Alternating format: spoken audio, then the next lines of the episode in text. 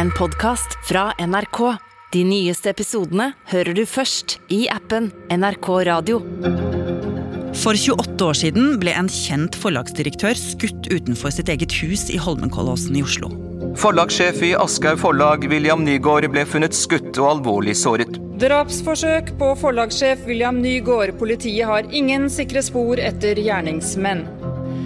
Mange mente at saken kunne kobles til en omstridt roman, og at det hele var et angrep på ytringsfriheten. Men politiet ville ikke låse seg til én teori, og saken har fremdeles status som uløst. Og nå har det kommet fram ny informasjon om hvem politiet tror kan stå bak drapsforsøket som rysta Norge. I kveld kan vi avsløre identiteten til den ene av de to siktede i saken. Og mannen som kom med denne avsløringen, journalist Odd Isungset, har i 28 år jobbet for å få svar på spørsmålet Hvem prøvde å drepe William Nygaard? Og nå får du første episode. Du hører på Oppdatert. Jeg heter Ragna Nordenborg. Det var en kald oktobermorgen. 11. oktober 1993. Eh, Forlagsdirektør William Nygaard runda hushjørnet på vei bort til den verste parkeringsplassen der bilen hans sto, på grusen, utenfor tomannsboligen oppe i Holmenkollåsen. Idet han skulle sette seg inn i den mørkegrønne Citroengen, så oppdaga han at venstre forhjul var punktert. Han hadde ikke tid til å skifte hjul, så han bestemte seg for å ta drosje. Men han rakk bare å slå de to første sifra til drosjesentralen før han kjente et voldsomt rykk i ryggen. Odd Isungset er journalist i NRK og har skrevet to bøker og laget flere dokumentarer om Nygaard-saken. Og like etterpå så kjente han det samme omtrent en gang til. Altså et voldsomt rykk i kroppen. Han hylskreik. Han trodde at han kanskje hadde fått støt fra telefonen som var fastmontert i bilen. Så la han på sprang vekk fra bilen. Da han nådde en eh, skrent som var like ved, så kjente han et tredje støt. Han skjønte fortsatt ikke hva det var. Rulla ned en skråning, og der ble han liggende. Heldigvis så var det noen som oppfatta hans rop om hjelp. Det var ei kvinne som var gjest hos naboen. Hun løp ut, og der fant hun forlagsdirektøren liggende i gresset. Hm. Hun forsto jo at dette var veldig alvorlig og ringte nødnummeret. Og da ambulansen endelig kom, så oppdaga de faktisk ikke at Nygaard, som hadde på seg en tjukk ølsken frakk, at han hadde en utposing på magen. Men det var jo så alvorlig at han ble kjørt til sykehuset. Men på operasjonsbordet så ble det klart at William Nygaard ikke hadde fått elektrisk støt som han selv trodde. Han hadde blitt skutt. Hele tre ganger. Og heldigvis sto livet hans til å redde. Og legen som opererte ham, kom jo raskt fram til et mulig motiv. Ja, det stemmer. Eh, overlegen hadde nemlig lese ei omstridt bok, 'Sataniske vers' av forfatteren Salman Rushdie, som William Nygaard hadde gitt ut på Aschehoug forlag. Og overlegen tenkte med en gang at det måtte være en sammenheng mellom bokutgivelsen og det som hadde hendt. Ja, for det som skjedde da denne boka kom ut, var jo helt uten sidestykke. Fire år tidligere, i 1988, hadde den anerkjente indisk-britiske forfatteren Salman Rushdie gitt ut boka Sataniske vers. Handlingen i boka var lagt til ulike immigrantsamfunn i London, og det var også noen avsnitt som mange fant dypt provoserende. For i boka får profeten Mohammed en åpenbaring om at det ikke bare fantes én, men flere guder. Stikk i strid med islams lære om at det kun finnes én gud. Og dette stemplet mange muslimske ledere som blasfemisk. Og boka møtte enorme protester. I India ble den stoppet allerede før den ble utgitt. Og i land som Bangladesh, Sri Lanka og Pakistan ble den forbudt. Kort tid etterpå, på valentinsdagen i 1989, så kom nådestøtet, Odd. Ja, Irans åndelige leder Ayatollah Khomeini helt av en radiotale som gikk over hele verden, og seinere skulle også hans talsmann formidle det samme budskapet på iransk TV.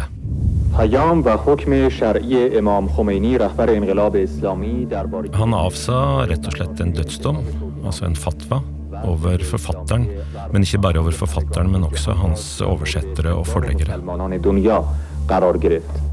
Og det Ayatollah Khomeini oppfordra folk til å gjøre, det var jo ganske ekstremt. Khomeini ville at alle truende muslimer skulle gjøre det de kunne for å likvidere Rushdie eller andre som hadde bidratt til å spre boka så raskt som mulig. På toppen av det så var det altså en stiftelse i Iran som utlovde en belønning på hele to millioner dollar da, til den eller de som greide å ta livet av forfatteren, hans oversettere eller forleggere. Og like etter ble Salman Rushdie, forfatteren selv, brakt i skjul. Men dette roa seg jo ikke. Knappe to uker etter at eh, fatwaen ble kunngjort, ble det avholdt demonstrasjoner i mange land. Blasphemy is a capital crime in Islam, punishable by death. We would like to have this book banned because it is so filthy, it is so obscene. We want to tell the Canadian public to see the horrible things that are in their book. Og her i Norge ble det også mobilisert til en stor demonstrasjon da folk fikk nyss om at boka skulle bli oversatt til norsk. Jeg husker det godt. altså TV-bildet fra den demonstrasjonen det gjorde sterkt inntrykk. Det var 3000 muslimer som toga gjennom Oslos gater, og som ropte 'Stans boka i Norge, stans boka i Norge', som hadde bannere med 'Satans rushtid, 'Forby boka i Norge'. Det var ganske oppsiktsvekkende. Men William Nygaard, som hadde planer om å gi ut denne boka, han lot seg ikke skremme. Boka var allerede oversatt, og han valgte å framskynde utgivelsen. I dag, sataniske vers av Salman Rushdie i norsk utgave. I all hemmelighet har Aschaugs forlag forberedt utgivelsen av den omstridte boka. 6000 eksemplarer er trykket opp, og Norge gir ut boka som fjerde nasjon i verden. Det vil vekke internasjonal oppmerksomhet. Og to dager etter at boka kom ut, i april 1989, så smalt det i Norge. I en bokhandel i Bærum og en på Holt i Oslo kasta ukjente gjerningsmenn Molotov-cocktails, altså flasker med påtent brennbart materiale, inn vinduene, og butikkene ble totalskadd. Og et par år seinere ble det enda mer alvorlig. Da ble den italienske oversetteren av sataniske vers knivstukket i sitt eget hjem i Milano. Han overlevde, men det gjorde ikke den japanske oversetteren som ble funnet knivstukket på universitetet der han jobbet. Og mange mistenkte at eh, dette hadde sammenheng med boka og fatwaen, men ingen ble tatt for hendelsene. Og tross alt dette så fortsatte William Nygaard å støtte boka og forfatteren Salman Rushdie. Og noen år etter skulle til og med Nygaard invitere Rushdie på den kjente hagefesten til Aschehoug. Rushdie ble tatt bilde av sammen med Nygaard og en norsk statsråd. Og dette hadde ingen gjort før, og den åpenlyse støtten til Salman Rushdie ble jo lagt merke til over hele verden.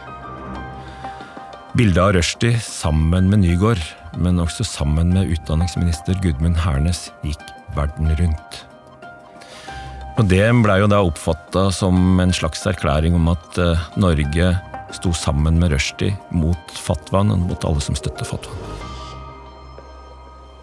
Og da William Nygaard året etter ble skutt, var altså legen som opererte ham, overbevist om at denne forhistorien med Salman Rushdie og sataniske vers måtte være grunnen til drapsforsøket. Og det hasta jo nå for politiet å finne ut hvem som sto bak dette alvorlige attentatet, og dessuten om legen hadde rett. Men de var litt på etterskudd, Odd. Ja, det hadde jo tapt en hel time, fordi verken Nygaard sjøl eller ambulansen forsto at han faktisk var blitt skutt. Og det er de første timene som er viktigst i all etterforskning. I tillegg så gikk det fullstendig galt på grensekontrollen. På grenseoverganga så var det fritt fram i mange timer, og det mangla jo dessuten et godt signalement, for det eneste de som kontrollerte grensa hadde fått beskjed om, at de skulle se etter muslimer. Og på en pressekonferanse samme dag sa politimester Truls Fyn at de var opptatt av å etterforske saken bredt. Vi har ingen formening om hva som kan ha vært motivet for dette. Men også politiet er jo da naturligvis kjent med de omstendigheter som knytter seg til eh, utgivelsen av denne spesielle boken 'Sataniske vers'. Men jeg vil understreke at dette er ikke den eneste teorien eh, politiet arbeider etter. Og selv om politiet hadde mista verdifull tid i timene etter drapsforsøket, så hadde de jo noen helt konkrete spor å gå etter. For William Nygaard han var jo skutt med et våpen. Ja visst hadde det det, for eh, legene hadde jo operert ut to kuler fra kroppen hans. Det viste seg å være en helt spesiell type ammunisjon, eh, som er kalt federal hydrosjokk. Det spesielle med den er at den ekspanderer til dobbelt størrelse idet den treffer kroppen. Det er altså kuler som er designa for å drepe. Hm. Og så blei jo disse kulene sendt til analyse, fordi en gjerne ville finne ut hva slags våpen som var brukt. Og relativt raskt så blei det klart at det våpenet som var brukt, var en type som het Dan Wessen. En revolver med utskiftbart løp. Og dette våpenet er jo veldig spesielt, for det som bruker en slik revolver, kan enkelt kvitte seg med bevis. Det handla kun om å bli kvitt et løp som for mange ser ut som et stålrør. Fordi løpet det er utforma slik at det alltid setter fra seg et spesielt spor i kula, altså et slags våpenets DNA. Ja, så hva gjorde politiet? De innhenta jo våpen hos alle de 96 som var registrert som eiere av denne våpentypen, for å prøveskyte. Og en av disse våpeneierne var en mann i 20-åra som het Ali. Ja. I våpenkortet hans så sto det at han eide hele ni våpen. Et av dem var en Dan Wessen med utskiftbart løp, altså dette spesielle våpenet. Politiet oppsøkte han hjemme. Der fikk de høre at eh, Ali ikke var der. Slekta fortalte at han hadde reist til Pakistan. Men politiet fikk ta med seg våpenet hans og et ekstra løp. De prøveskaute, men det ga ingen match. Nei. Men så skulle politiet komme over noen interessante opplysninger om denne Ali. Ja, Politiet oppsøkte jo våpenforhandlerne i Oslo. Da fikk de vite at uh, denne mannen uh, hadde kjøpt dette våpenet bare fire måneder før drapsforsøket i Dagligveien. At han seinere på sommeren hadde kjøpt uh, flere løp. Og at han i tillegg hadde kjøpt store mengder av denne spesielle ammunisjonen, altså Federal Hydrosjokk, den som er spesialdesigna for å drepe. Og dette gjorde jo at politiet begynte å se nærmere på bevegelsen hans. Ja.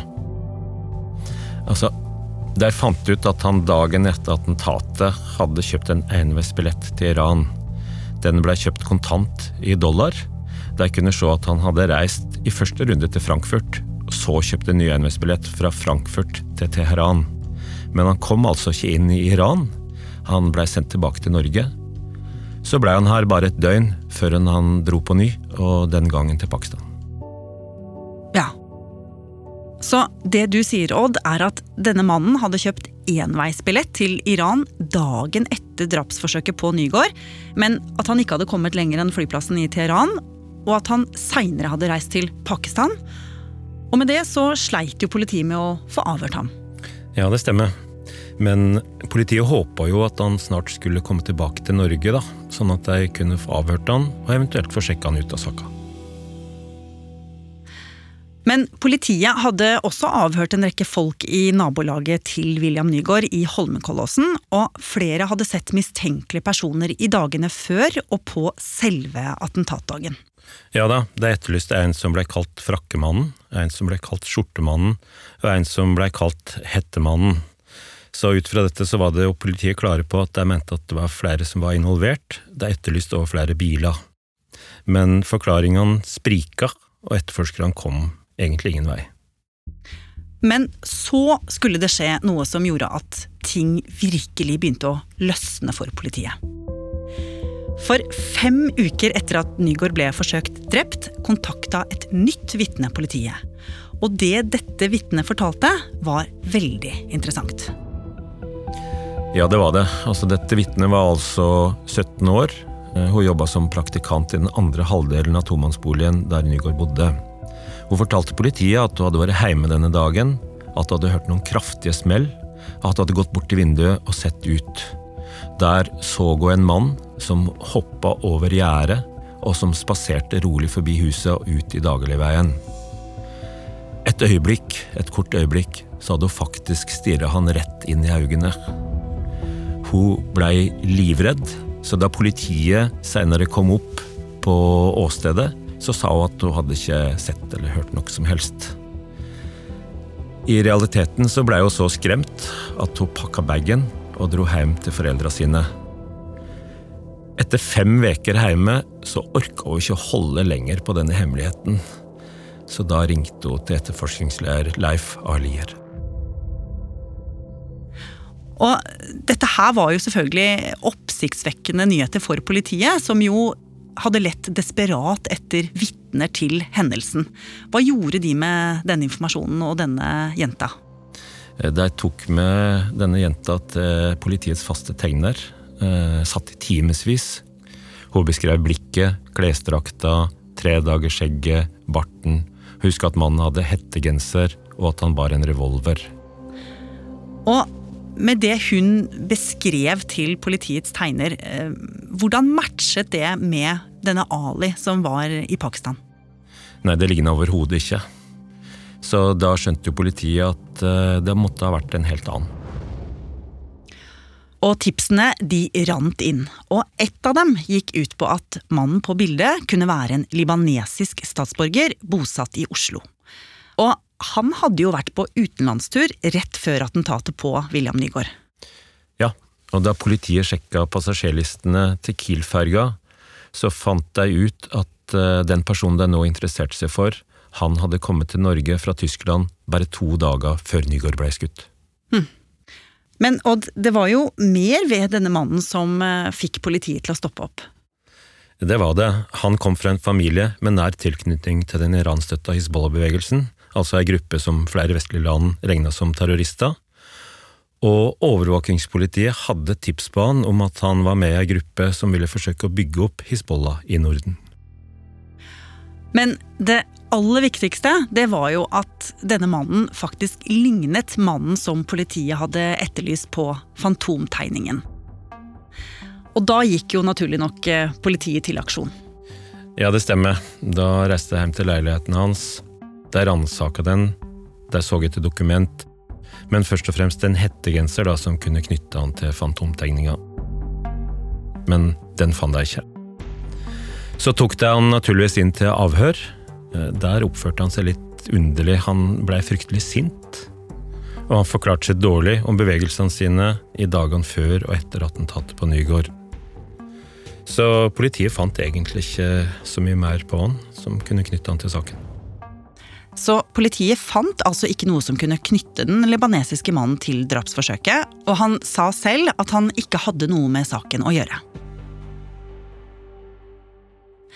Men politiet hadde jo hele tiden vært eh, klare på at de fulgte flere spor, og at de gikk bredt ut. Så samtidig som de fulgte da eh, sporene som gikk mot Ali og denne libaneseren, så hadde jo også etterforskerne begynt å interessere seg for privatlivet til Nygaard.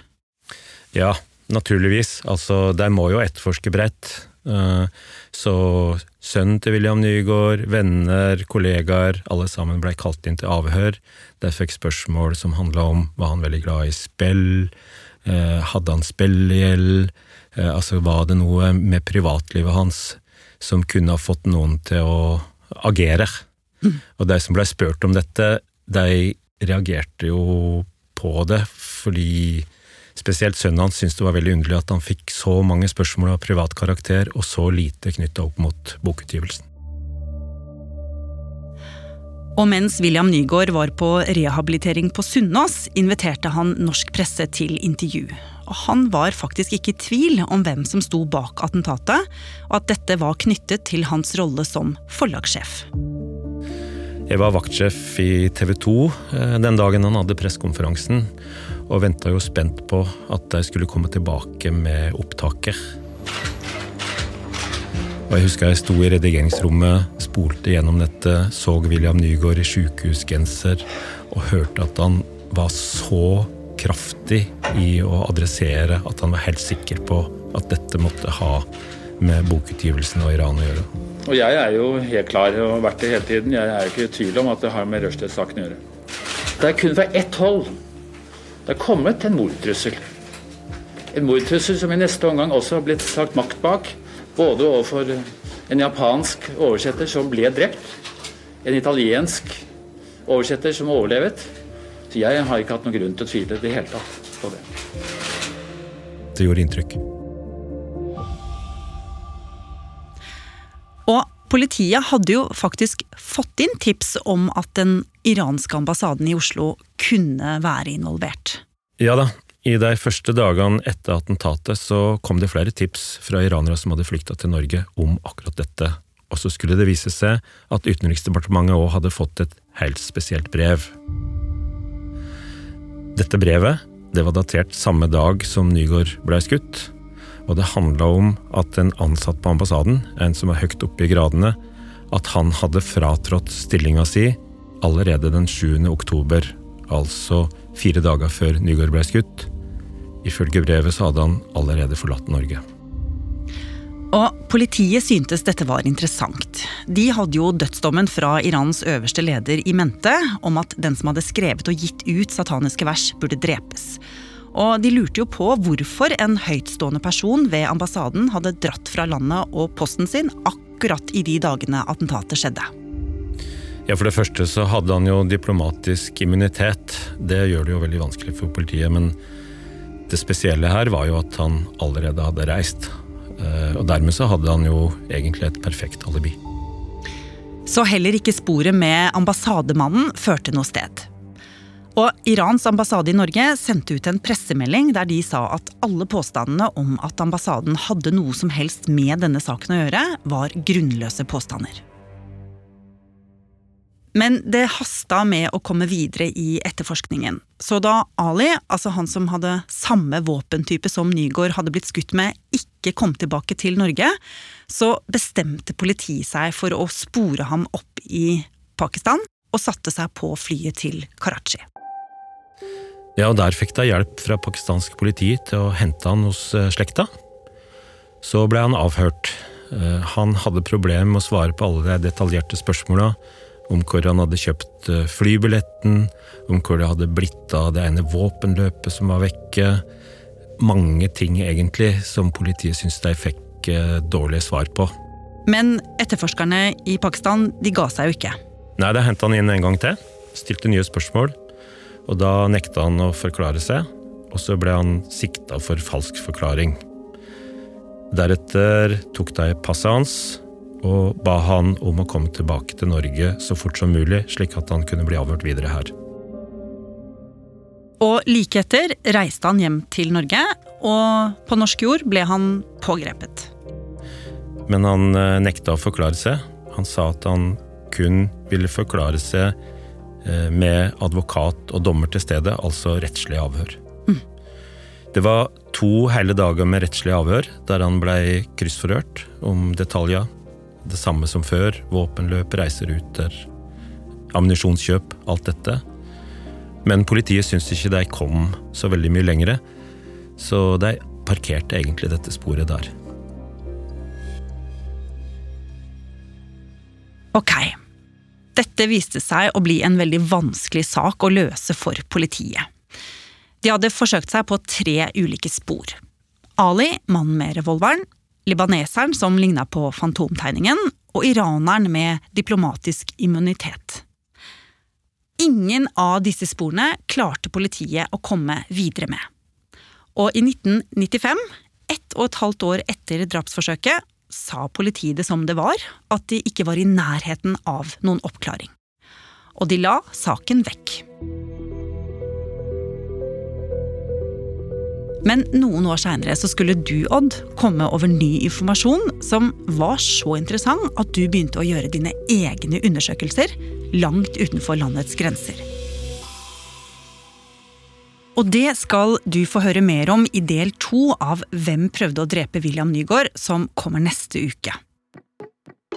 NRK har forsøkt å komme i kontakt med Ali, men han har ikke besvart henvendelsene våre.